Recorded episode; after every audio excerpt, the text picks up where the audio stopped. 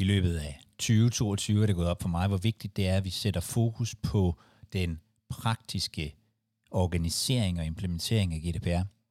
Og derfor har jeg valgt her mellem jul og nytår at genudsende nogle af de udsendelser, hvor jeg taler med praktikere om praktiske spørgsmål. Så hvis ikke du har haft tid i løbet af året til at høre dem, så får du muligheden nu.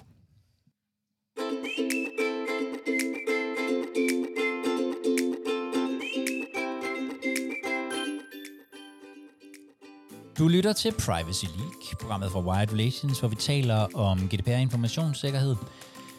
Jeg hedder Jakob Høgh Larsen, og i foråret 2022 tog Henrik Engel fat i mig. Han har en masse erfaring med at drive informationssikkerhed i lidt større organisationer, og det du skal høre nu er vores samtale om det.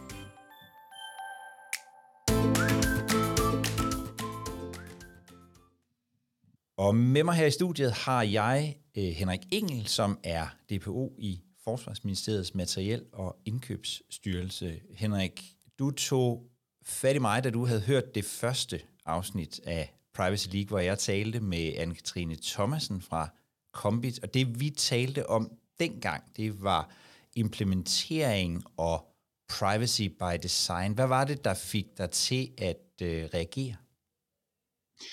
Jamen, det var jo, at jeg pludselig hørte en øh, jurist tale om praktisk GDPR. Øhm, det fangede mig lige med det samme, og så ærgede det mig, at I ikke kom ind på ISO 27701, mm-hmm. som øh, i meget høj grad operationaliserer noget lovtekst til noget, der reelt set kan præsenteres for en ganske almindelig tekniker som nogle kontroller og noget noget på et abstraktionsniveau, som er ret let at forstå og ja. kommunikere videre. Okay. Mm. Og det tænker jeg, at vi skal, øh, det skal vi snakke en hel masse om. Men først så kunne jeg godt tænke mig sådan lige at, og, øhm, at få dig præsenteret lidt, lidt yderligere. Øhm, for jeg sagde, du var, jeg sagde, du var DPO, og øh, ja. så sagde jeg noget med forsvaret. Øhm, ja. Men hvad er det, du hvad er sådan din rolle til, til, til daglig? Hvad er det, du, hvad du laver, Henrik? Jamen til daglig er jeg jo som DPO en rådgivende øh, funktion omkring alt, hvad der har noget med persondata at gøre i materie, Forsvarsmaterielle Indkøbsstyrelse. Ja. Så, så jeg må jo ikke øh, være beslutningstager, jeg må ikke sidde i andre roller osv., som kan være påvirkende til persondata. Så, så jeg er en rådgivende øh, person. Ja. Men øh, det ændrer ikke noget ved, at øh, det er ligesom er mig, der i sidste ende skal hjælpe FMI med at få implementeret GDPR på fornuftig vis. Ja. Og, og man kan jo implementere GDPR på mange måder, og, og det er jo der, at jeg blev fanget lidt af den sidste podcast, fordi jeg synes jo, at, at GDPR øh, er nødt til at blive operationaliseret, mm-hmm. sådan så det kan komme ud og leve. Altså ja. få det løftet ned fra noget meget teoretisk til noget, der er øh, udførligt, altså operationelt. Ja. Øhm, og der var I jo øh, rigtig godt i gang med den diskussion, som jeg virkelig har holdt foredrag om i meget lang tid og i mange omgange. Ja. Øh, men I, I missede lige ISO 27701, og det fangede mig, fordi det er jo en ny standard, der er kommet, øh, og som øh, nu også er kommet på dansk, og mm-hmm. virkelig tager fat om GDPR og forsøger at flytte den ud i noget, hvor øh, det bliver ja, altså tilgængeligt. Så tilgængeligt som ISO-standarden nu selvfølgelig kan være, ikke? Jo. Men det er jo væsentligt mere tilgængeligt end en lovtekst og mm. forordningens materiale. Ikke? Ja. Og i og med, at det er en, øh, en standard, som læner sig op af ISO 27001, ja. så er det jo, øh, man får virkelig noget ærende fra ens sikkerhedsarbejde, mm-hmm. og så får man bygget GDPR oven på sikkerhedsarbejdet, så man får samtidig taget rigtig godt hånd om artikel 32 og behandlingssikkerhed. Ja. Og det, det er der, at, at hvis man har en juridisk tilgang, så bliver sammenhængen i forhold til artikel 32 og det tekniske arbejde, den bliver svær. Ikke? Altså, det er jo, forstå mig ret, jeg kan jo ikke udføre mit arbejde som DPO uden en jurist, Nej. som jeg kan connecte med og tale med, mm-hmm. fordi der vil altid komme øh, meget juridiske, specifikke øh, diskussioner og andre ting, hvor jeg har brug for at, at tale med en jurist. Mm-hmm. Øh, så jeg har, altså, jeg sidder som DPO, men vi er et team, og der er to jurister, som jeg bruger rigtig meget til at spare med. Men det her, jeg kan via mit fokus med at få det brudt ned, og få lavet noget, som øh, øh, man kan sende ud på en checkliste, noget, som man kan læne en øh, leverandørstyring opad, noget, som øh, den, der sidder med en forretningsservice og er ansvarlig for at holde nogle møder med en leverandør, mm-hmm. der hvor han måske kan forholde sig til, at han har nogle, nogle ting, han lige skal tjekke med en leverandør, når han holder et månedsmøde eller et kvartalsmøde, eller hvad han nu gør.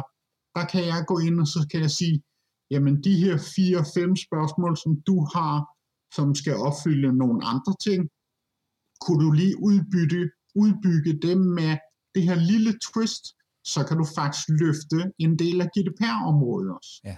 Og så, så får man organisationen klædt på i en kontekst, og man forstyrrer dem ikke unødigt, fordi hvis jeg samarbejder med vores informationssikkerhedsteam, så kan vi sammen få løftet nogle ting, i stedet for at vi kommer til den her, der holder de her leverandørmøder af to omgange. Og hvor, hvorfor er det, at man ikke kan det, det, var noget af det, det var virkelig noget af det første, du sagde til mig. Jeg tænker, det var også lidt øh, en, øh, et, øh, et, et, et forsøg på at, at, at provokere mig lidt. Øh, men du sagde det her med, at, at man ikke kan overlade det her arbejde til, øh, til juristerne. Hvad, hvad, er det, du, hvad er det, du tænker med det? Jamen, øh, øh, jamen det er jo... Selvfølgelig findes der jurister, som kan nedbryde den her lovtekst til meget specifikke øh, checklister og ting og sager. Men det bliver meget hurtigt diffust, og det bliver meget hurtigt på et for højt niveau. Ja. Det kommer ikke niveauet ned nok. Og hvad... Jeg taler for eksempel meget om i FMI, at vi er nødt til at implementere GDPR i tre faser af forretningen. Ja. Noget, der hedder, øh, vi har ikke fundet de rette ord endnu, men, men det jeg kalder intake, altså der, hvor der kommer GDPR ind i organisationen. Mm. Nye behandlingsaktiviteter, nyt forbrug af persondata. Ja. Der skal vi jo have fat i indkøbsprocessen, vi skal have fat i de her folk, der begynder at tage sådan nogle her initiativer, og vi skal have fat i dem rigtig, rigtig tidligt. Og der ser vi nu en, en væsentlig hævelse i, at folk har fået noget awareness, de kommer og spørger, øh, hvad er det, og så videre, og så videre. Vi har lavet nogle checklister, som vi beder dem om at forholde sig til meget tidligt, uh-huh. og jamen til nogle møder, der kan vi allerede efter 10 minutter sige, jamen uh, det her indkøb, der er ikke noget persondata i, der er kun en underskrift på en kontrakt, så der, der vil vi ikke bruge jeres tid. Nej. Nogle, nogle, øh, nogle situationer, der er der så større forbrug, eller det kan være, det er artikel 9-data, altså nogle af de øh, følsomme, og så, jamen, så får de hele pakken. Ikke? Jo. Så har vi det, så, så har jeg en anden del, jeg kalder drift af GDPR. Mm-hmm. Altså, og det er jo der, at, at det, der bliver aftalt i en databehandleraftale, det skal ligesom udmynde sig i, at man forholder sig til leverandørstyringen. Man får fuldt op på de øh, krav, man har aftalt i en databehandleraftale og i kontrakten og sådan nogle ting. Og man skal skabe et øh, rapporteringsspor og et audit trail, sådan så at vi kan sikre, at vi har styr på drift og alle de her ting. Mm-hmm. Så, så ligesom at man i driften af en, øh, nu er jeg, jeg kommer jo fra, jeg, jeg er gammel tekniker og har brugt en del år på ITIL og øh, har taget stort set alt, hvad man kunne på ITIL 3. Og, og, og, og jeg læner mig sådan set lidt opad, at man i ITIL-verdenen siger, at der er, der er et projekt og et indkøb og en intake, så er der en transition, så er der en drift, uh-huh. og så er der en uh, sunsetting-periode. Ikke? Det er derfor, jeg i GDPR også taler om, at der er en intake, tidshorisont eller en situation, og så er der en periode, der hedder drift. Uh, og så har jeg også en... Uh, Ja, vi talsætter det i PT, vi er ikke enige med navnet nu, men vi taler det lidt som GDPR CSI, ja, altså ja. Continuous Service Improvement, og deri ligger, øh, hvad har vi af lige lasten, der ligger noget med, hvordan forbedrer vi øh, intake og drift, og hvordan øh, øh, udfaser vi ting, og alle de her ting. Ja. Og hvis vi ligesom hvis man tager den tilgang, ligesom man tager til IT-drift eller noget andet, så kan du igen få det brudt ned, du kan få placeret opgaverne de rigtige steder osv. Og der er altså, jamen der har du bare umiddelbart ja, i ISO 27701 nogle ting for æren, ikke? Fordi ja, ja. ligesom i informationssikkerhedsstandarden 27001, så er der nogle øh, annexer med nogle øh, kontroller og noget, og de dækker, hvis du er databehandler, eller hvis du er dataansvarlig, og så er der en, en, øh, et kapitel 6, som er, er øh, nogle, hvor man forholder sig til, at der er nogle ting i 27001, hvor man lige skal udvide nogle af ISO 27001-kontrollerne, for lige at få et aspekt af GDPR med. Og de ting kan du putte ned i de her tre faser af GDPR's levetid. Og det gør en kæmpe forskel, fordi jeg møder, jeg bliver mødt af en forståelse ud i organisationen på et helt andet niveau, end når jeg taler artikler eller forordning osv., fordi man kan relatere lige med det samme. Jeg tænker, at det måske også er en lidt anden måde at tænke GDPR på. Jeg, jeg, jeg, jeg taler nogle gange, eller sådan noget, jeg sådan lidt forsøgsmæssigt kalder sådan en form for anden bølge af GDPR, da man implementerede GDPR der tilbage i 17-18 stykker, så handlede det sådan meget om at blive compliant. Det var sådan et mål, en eller anden form for ideal tilstand, og når man, og når man var der, så kunne man sådan slappe af, og sådan, man, mm-hmm. man, havde fået, ja. man havde fået tjekket i alle boksene. Når jeg ser på, hvad folk gør rundt omkring, og også det, som du i virkeligheden siger, så, så er det lidt en anden sådan tanke? altså at GDPR compliance er en, en proces eller, eller nogle, nogle workflows, hvor man sådan hele tiden skal forholde sig til nye input, når lovgivningen skifter, når man indfører et nyt system, og når man opdager nye øh, svagheder og sådan noget. Hver gang der sker noget, så, så skal man reagere på det og, og, og processe det. Er det, er det, er det, er det, er det lidt i samme boldgade, du tænker, øh, Henrik? Jamen, jamen det er det jo 100%. En af mine kæpheste, det er jo, at mine alarmklokker ringer lige så snart, at nogle folk taler om, at de har et GDPR-projekt. Ja. Fordi et projekt, det er per definition noget, der ender. Mm-hmm. Det gør GDPR ikke. Det er en ongoing proces, og det er, det, det er fuldstændig nede i nogle af de øh, teorier, der ligger om trapper af modenhedstrin og så videre og så videre. Så så ja, rigtig, rigtig meget. Tilgangen med, at GDPR kan være et projekt, og at man bruger projektressourcer, så har man misforstået opgaven fuldstændig i min bog. Og det var nok meget det, vi, altså, det, det mange gjorde, ikke? Det, var sådan et, det blev sådan et ja. projekt, der skulle slutte cirka den 25. maj 2018. Ja, men det er der jo ingen tvivl om. Den er jo set før. Den mm. er set, øh, den er set øh, i forbindelse med ITIL. Den er set i forbindelse med med Sarbanes-Oxley, hvor man lavede en masse projekter om e-mail-arkivering, og så kom finanskrisen, så var der ikke råd til det længere, og så, så forsvandt det. Og, altså, ja. Så det er jo en, øh, jeg ved ikke om det er en, øh, en, øh, en, en, en problematik i IT, som øh, er inherent og findes. Det kunne man godt øh, fristes lidt, lidt til at mene. Ikke? Og lige om lidt kan man lave et NIS 2-projekt og et yeah. NSIS-projekt, og, og, og, så, og så kører vi videre i, i virkeligheden i, i siloer. Hvordan, hvordan organiserer I det så i det omfang, du kan... Du kan altså, hvordan, for, hvordan, hvordan organiserer I det her øh, arbejde hos, øh, hos, hos jer, for netop at, at kunne drifte det? Jamen, i, i forsvaret er der nu engang trukket, truffet en beslutning om, at man, øh, man har trukket øh, de her compliance-ressourcer, som dækker GDPR informationssikkerhed, ind i øh, Forsvarets departement, og så har man lavet nogle partnerenheder, mm-hmm. hvor man som ansat i departementet sidder ude i de forskellige kapaciteter i forsvaret. Ja. Og den kapacitet, jeg sidder så i Forsvarets Materielle Indkøbsstyrelse, og der er vi ansvarlige for implementeringen af informationssikkerhed og GDPR i øh, FMI. Mm-hmm. Og, så vi, vi er ansat i departementet, men vi agerer øh, for øh, chefen for Forsvars Materiale Indkøbsstyrelse og, og har ansvaret. Og det er jo, den tankegang er opstået for at lave en koordineret indsats på tværs af forsvaret. Ja. Så som DPO sidder vi jo øh, 7-8-9 øh, DPO'er og mødes og koordinerer vores GDPR-indsats. Ja. Og det er jo en, øh, man kan sige, det er en kæmpe fordel, når man sidder med GDPR, at man har nogle kollegaer. Mm. Som DPO sidder man jo rigtig, rigtig mange steder helt alene. Ja. De forskellige kapaciteter er så øh, på forskellige niveauer i implementering af det her, og har lidt forskellige tilgange. Og, og det er jo igen også, fordi nogle af os DPO'er er jurister, og nogle er praktiske grise, som jeg er. Jeg er gammel IT-tekniker og, og, og kommer fra en helt anden baggrund. Øh, har noget ingeniørmæssigt for mange år siden. Jeg er skov- og landskabsingeniør og alting. Det har intet med noget som helst at gøre, men sådan er det. Ja.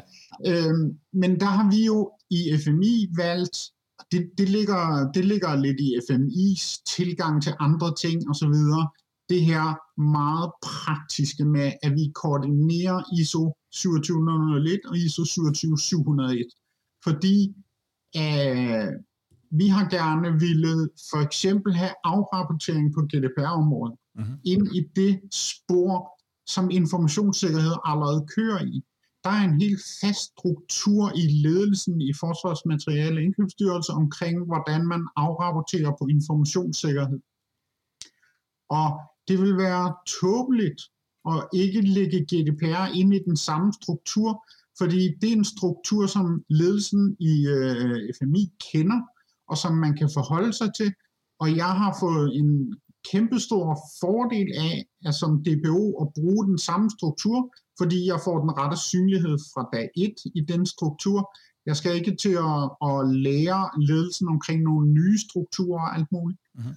Og så er der igen det her med, at når jeg taler GDPR, i FMI, der har vi, øh, der er det lavet sådan, så vi har noget, vi kalder ISAR, som er informationssikkerhedsambassadører, og vi har noget, vi kalder DPR, som er uh, Data Protection Assistance. Uh-huh. Og alle, hele den gruppe af medarbejdere, som er specielt øh, oplært i informationssikkerhed og GDPR, de har overlappende roller. Nogle af begge dele. Så når jeg taler med de her, øh, som er mine ambassadører for GDPR, og som er en helt enorm stor ressource i FMI, fordi det er dem, der sidder ude og har hænderne i det. Ja. Øh, når jeg taler med dem og taler om informationssikkerhed, altså lige nu er vi for eksempel i gang med at kortlægge eller opdatere kortlægningen til vores fortegnelse. Når vi taler om øh, artikel 32, så er det fuldstændig den samme snak, som er koordineret med informationsteamet, informationssikkerhedsteamet, fordi at så får de altså kun det her spørgsmål én gang, fordi svaret er det samme.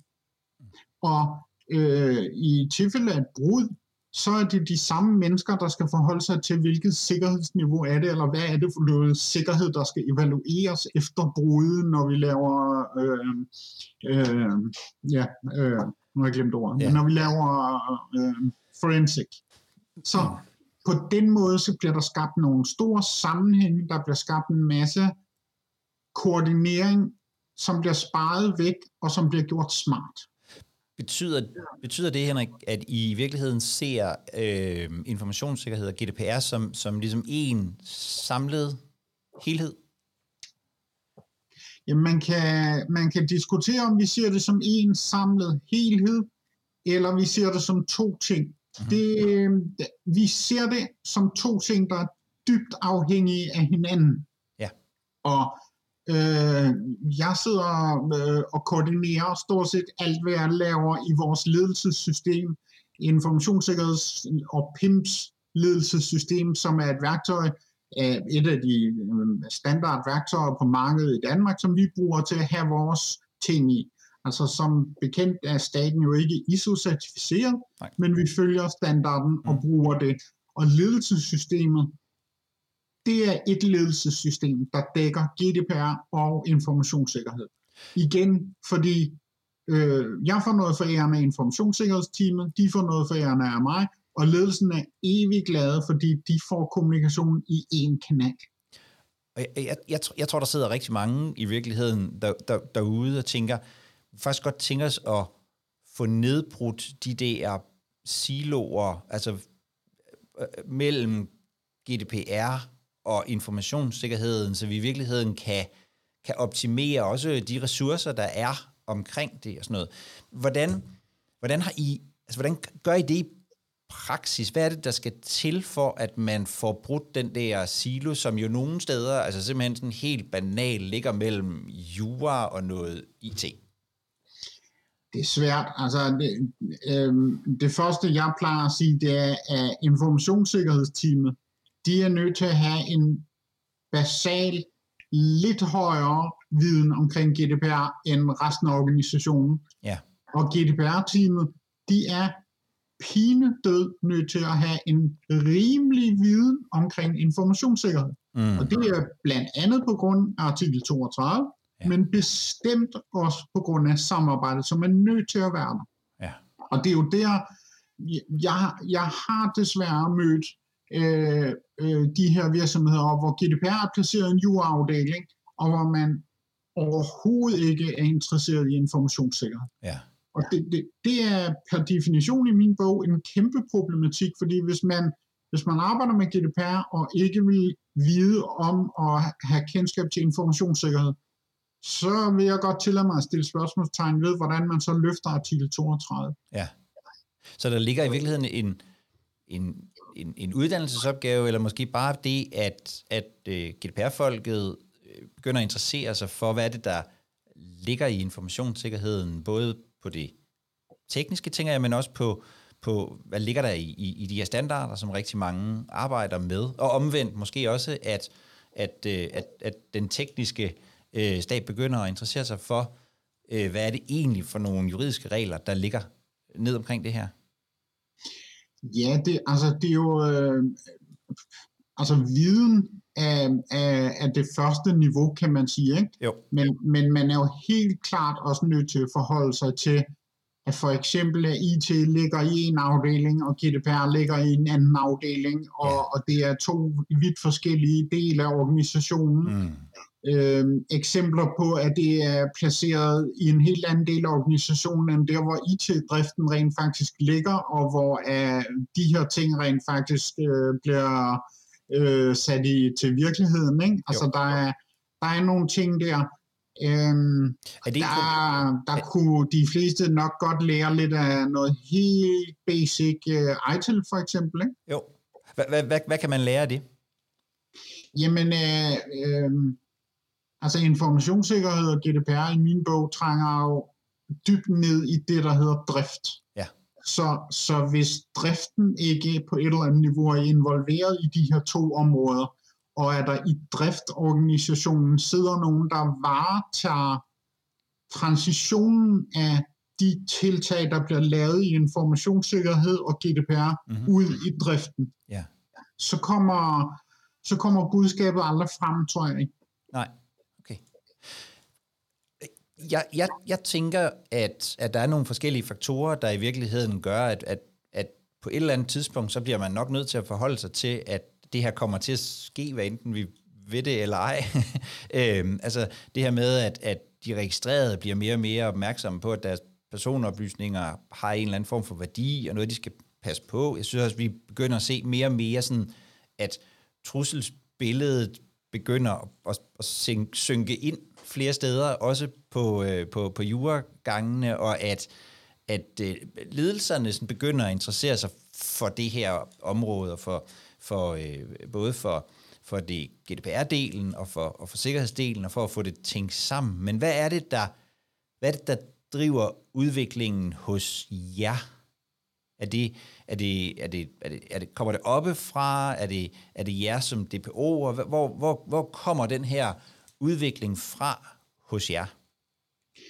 Det er, det, det er meget forskelligt, men det er jo en, øh, det er en, øh, det er en sammenblanding af, at jeg som DBO har et meget praktisk fokus, ja.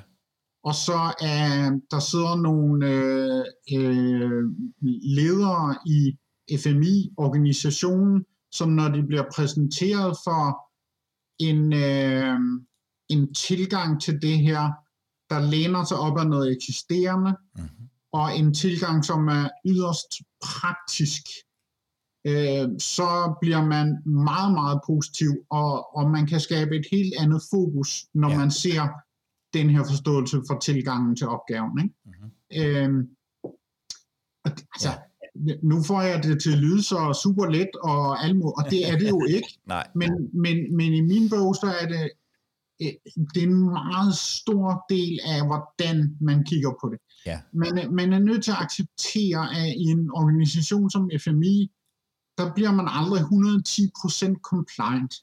Det er monsterstort. Vi er tusindvis af mennesker. Det er Øh, altså, øh, det er jo persondata. Øh, vi har de sædvanlige morgenmadslister, og vi har øh, øh, veteraner og alle sygdomsdata, og så det er jo kæmpe, kæmpe stort. Ikke? Mm.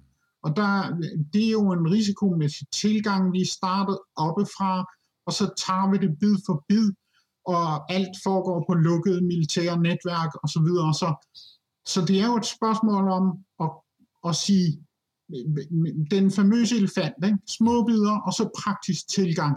Og, og det er derfor også, at det bliver velkomment, at når man så siger, jamen kan vi øh, tage den helt store kasse, bryde ned de her to, og så øh, lave en checkliste, og så, øh, og så videre og så videre. Sådan meget, meget øh, praktisk og elementært, uden at forklare, øh, hvor komplekst det er. Men det er bare, hvis man starter på den måde, i stedet for at begynde at sige, nu skal alle de her være klar. Ja. Uden at forholde sig til det. Og, og bare sige, jamen øh, det siger forordningen i artikel det og det og det. Så, så bliver det meget, meget svært at få den rette attention. Ikke? Ja, så det handler i virkeligheden også om at kunne, øhm, at, at, at, at kunne, at kunne tage de rigtige ting, og, og, og måske i virkeligheden acceptere, at der vil være, der vil være øh, øh, huller i osten, og det vigtige er at, at, at have styr på, på, på de væsentligste dele af compliance-arbejdet, og så, kunne, og så hele tiden kunne arbejde med at, at, at overvåge, hvor, hvor skal vi sætte ind? Ja, men nu, nu, nu skal man huske på, at forsvaret er jo ikke ubekendte med at forstå en ordre og en bestemmelse, og et, øh, i, hos os kaldes det et forvaltningsgrundlag, og der har vi jo øh, et enormt øh, compliance-niveau af bestemmelser og politikker og alt muligt. Det er jo en, sådan har det jo altid været i det, i det militære øh, system. Så vi har jo et, øh, et kæmpestort basisniveau. Mm. Så det er jo mere spørgsmålet om, at hvor, hvor skal vi starte CSI, altså Continuous Service Improvement, ikke? ud fra en risiko, og så bygge op. Ja, og det er ja. jo klart, at der, der, der, der er jo nogle krav til at, at, at, i forordningen til, at en behandlingsaktivitet skal have lavet en eller anden form for risikovurdering, og når man laver et nyt intake i øh, den første øh, fase af brugen af persondata, så skal der ligge en risikovurdering, der skal ligge en DPIA, hvis der er nogle specielle krav opfyldt og alt muligt. Ikke? Så det er den der strukturen, og det er den struktur, når du skal når du skal forfine den struktur, at du for eksempel bare i ISO 27701, der får du nogle, forærende, nogle ting forærende via kontrollerne.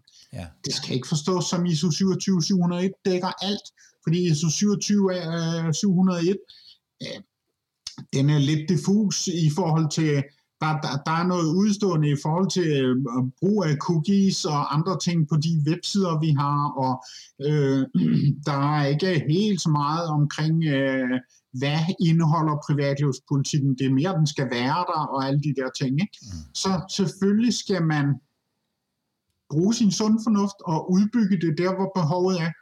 Ja. Men hvis du starter med det kontrolgrundlag, der er ISO-standarden, som jo ligesom ISO-standarder er, er virkelig gennemarbejdet. Jeg har siddet og arbejdet med den helt fra den første periode, hvor den var i et øh, issue med en helt anden nummer, øh, som et forsøg. Øh, og, og der var jo en masse mennesker, der gav input til det. Hvis du bruger det, der er der, så kommer du bare op på et helt andet basisniveau, og du kommer op på et basisniveau, som er operationelt. Du, du sagde også til mig, øh, før vi startede, at, at det her med, øh, med at tale til for eksempel til IT-folkene via kontrollerne giver, giver noget, fordi det er en, øh, en, en måde at arbejde på, som, som IT forstår?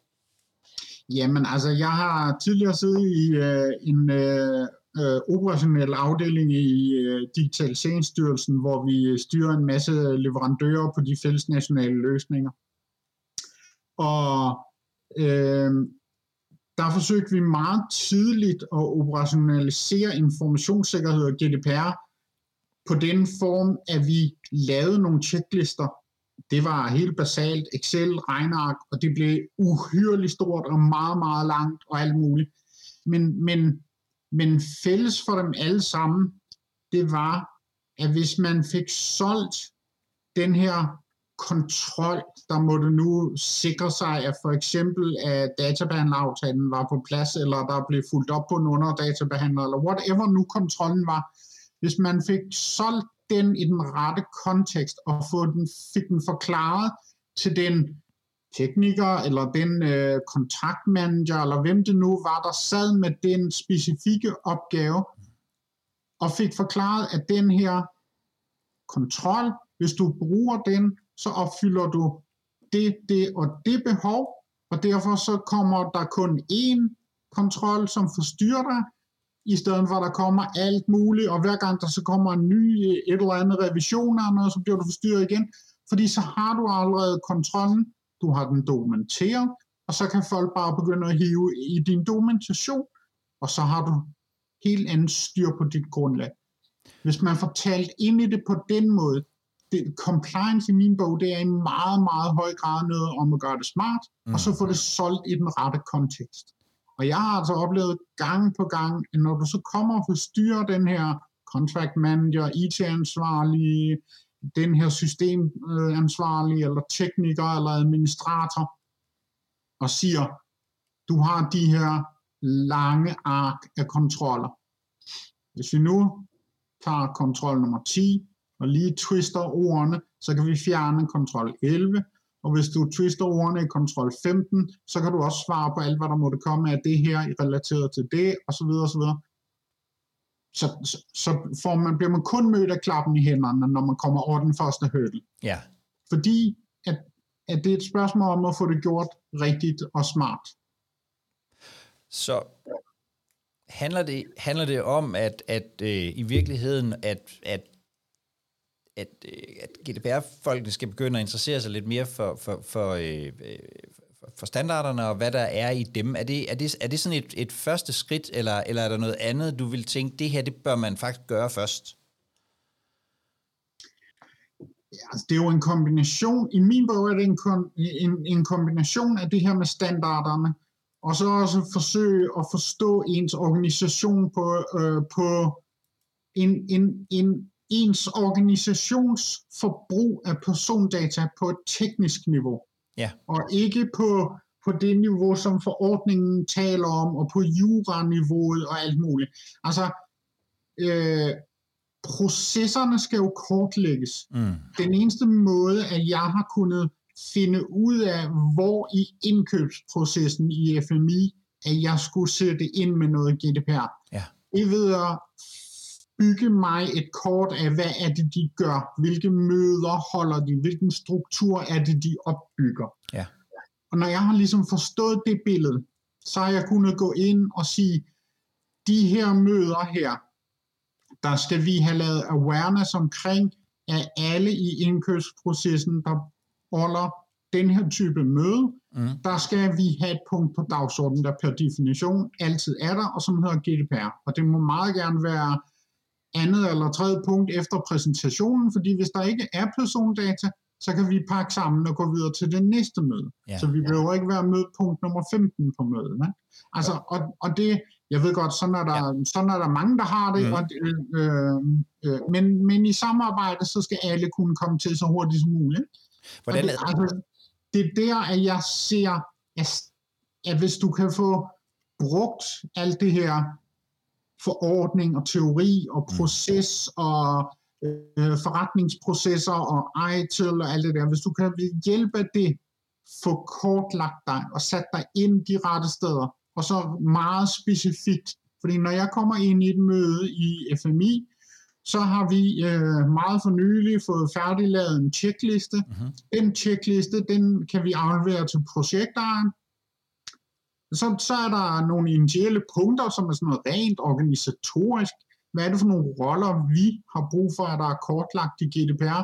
Hvad er det for nogle roller, som er, er vigtige, og hvad er det for nogle roller, der skal være styr på? Og så er der 25 punkter, som langsomt øh, i prioriteret rækkefølge ender med, at projektejeren får et meget tydeligt overblik over det indkøb, han for eksempel sidder med i forhold til forbruget af persondata. Og det hele det ender med efter punkt 25, at man har lavet en lille bitte stregtegning af, hvilke data er i brug hvorhen. Okay. et dataflow, der er lidt high level, men som har med, at det København eller er det Aarhus, og det ligger i Danmark, og de sender nogle data til et andet datacenter i Tyskland, og altså sådan noget, det er ikke, det er ikke voldsomt, voldsomt komplekst eller noget, Nej. men det giver den her projektaren et kæmpe overblik, og hvis han kontakter mig 14 dage senere, fordi han har et eller andet nyt spørgsmål, så er det hele tiden i udgangspunkt ud fra det, den checkliste. Så konteksten, hvis den ændrer sig, så ændrer han indholdet i checklisten osv. Og hvordan adskiller den afdækning, som I foretager der, hvordan adskiller den sig fra det, der, der foregår i, i virkeligheden i artikel 30 og den type af fortegnelser? Hvad, hvad, er, det, der, hvad er det, der mangler der, som, som, som du har, egentlig synes, man har behov for? Jamen, øh, det er jo... Øh, man kan jo sige, enten så er det starten mm. af fortegnelsen, at den her checkliste er, ja. eller også kan du vente den om og sige, at det her, det er den organisatoriske afdækning af tilhørsforhold, navne på rollerne og specifikke grænseflader i behandlingsaktiviteten, som ja. bliver kortlagt. Fordi det er jo vigtigt at forstå, at du kan ikke lave en, du kan ikke lave en fortegnelse, der er så øh, detaljeret, øh, uden at det bliver en umulig task. Mm. Så det er i virkeligheden en, en altså det, det er i virkeligheden et, et rigtig godt, et forsøg på at få et rigtig godt kendskab til det, der kommer til at, at foregå, den behandling, der kommer til at foregå af, af oplysningerne. Ja, og det er Hvem, for gør skabe, det. Ja. ja, og det er for at skabe grundlaget for at få lavet fortegnelsen korrekt, kan man sige. Ja. Inden vi, øh, inden vi, inden vi slutter, så jeg, jeg hører tit uh, folk, som, som spørger, hvordan, hvordan holder man sig opdateret? Det her er jo et, altså et afsindigt komplekst område. Der er både noget, der er noget jura, der er noget, der er noget tek- teknik, der er noget, øh, sådan noget øh, soft law, som en jurist vil kalde det, over i, i, øh, i ISO og, og informationssikkerhedsstandarderne og, og sådan noget. Hvordan, hvordan gør du, Henrik? Hvordan, hvordan holder du dig up to date? Jamen, det har været en lang rejse af, af en, en personlig afklaring, kan man sige. Ikke? Mm. Jeg har tidligere brugt meget tid på, på mange små, korte øh, arrangementer og webinarer. Øh, og det er næsten stoppet med, fordi øh, salgstalerne fylder for meget, og mm. det er meget, meget, meget svært at forholde sig til på forhånd, før du bruger en time af din yderst øh, bookede tid Ja, på, om det giver mening. ja, Jeg vil sige, øh, øh, større messer og seminarer, hvor man måske kan drive en dag ud og forsvare, være helt væk, og så melde sig til 3, 4, 5 rigtig gode indlæg, hvor man kan shoppe rundt og få det, man lige har oppe i sin hverdag lige nu. Ja. Det bruger jeg tit. Så må jeg indrømme, at jeg har meget, meget store forhåbninger til dit onsdags arrangement, fordi det har jeg jeg har tidligere arbejdet lidt i den verden, der er understøttet af OneTrust, og de har nogle øh, lokale webinarer eller møder.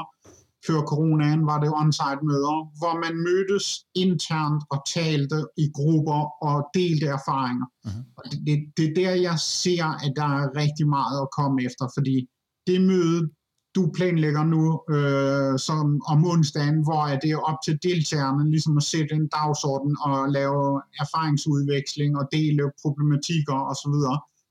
Det bliver super interessant at se, Mm. om vi kan få det op at køre. Fordi det der med, at det er fast, det er deltagerne, der kan stille for, forskellige spørgsmål, og så er der folk, der kan svare osv. Mm. Det kunne give en masse pingpong og en masse netværk, som virkelig er interessant. Ja. Så jeg vil sige, det er, jeg er nok endt med få specifikke større arrangementer og så netværk. Altså Ja. øh, LinkedIn og som DPO, som jeg siger, øh, jeg bruger Danmarks DPO for Dansk DPO-forening Ja. ja. også. Altså Mm. det er, men det er ikke af samme grund. Der er noget erfar og noget netværk. Og hvis man nu var et, øh, hvis man nu var et, et ungt øh, menneske, som godt kunne tænke sig at arbejde på det her område, øh, hvor, hvor vil du så hvor, hvor vil du så pege vedkommende hen, sådan øh, uddannelsesmæssigt, eller øh, er det erfaring, man skal have under huden? Hvad, hvad, hvad, hvad tænker du der? Jamen, øh, i dag er det jo så heldigt, så hvis man øh, interesserer sig for, for det her område, så er det jo, øh, så, så, så er der jo altså nogle store muligheder for at finde sig et job. Mm-hmm, det er det. Og jeg vil sige, det, det jeg vil anbefale aller, allermest, det er, øh, lad være med at fokus, fokusere udelukkende på informationssikkerhed Mm. eller udelukkende GDPR. Men lav en kombo. Ja. Altså, jeg bliver kontaktet så mange gange omkring jobs, hvor man er interesseret i at have en, der kan se på begge verdener. Mm.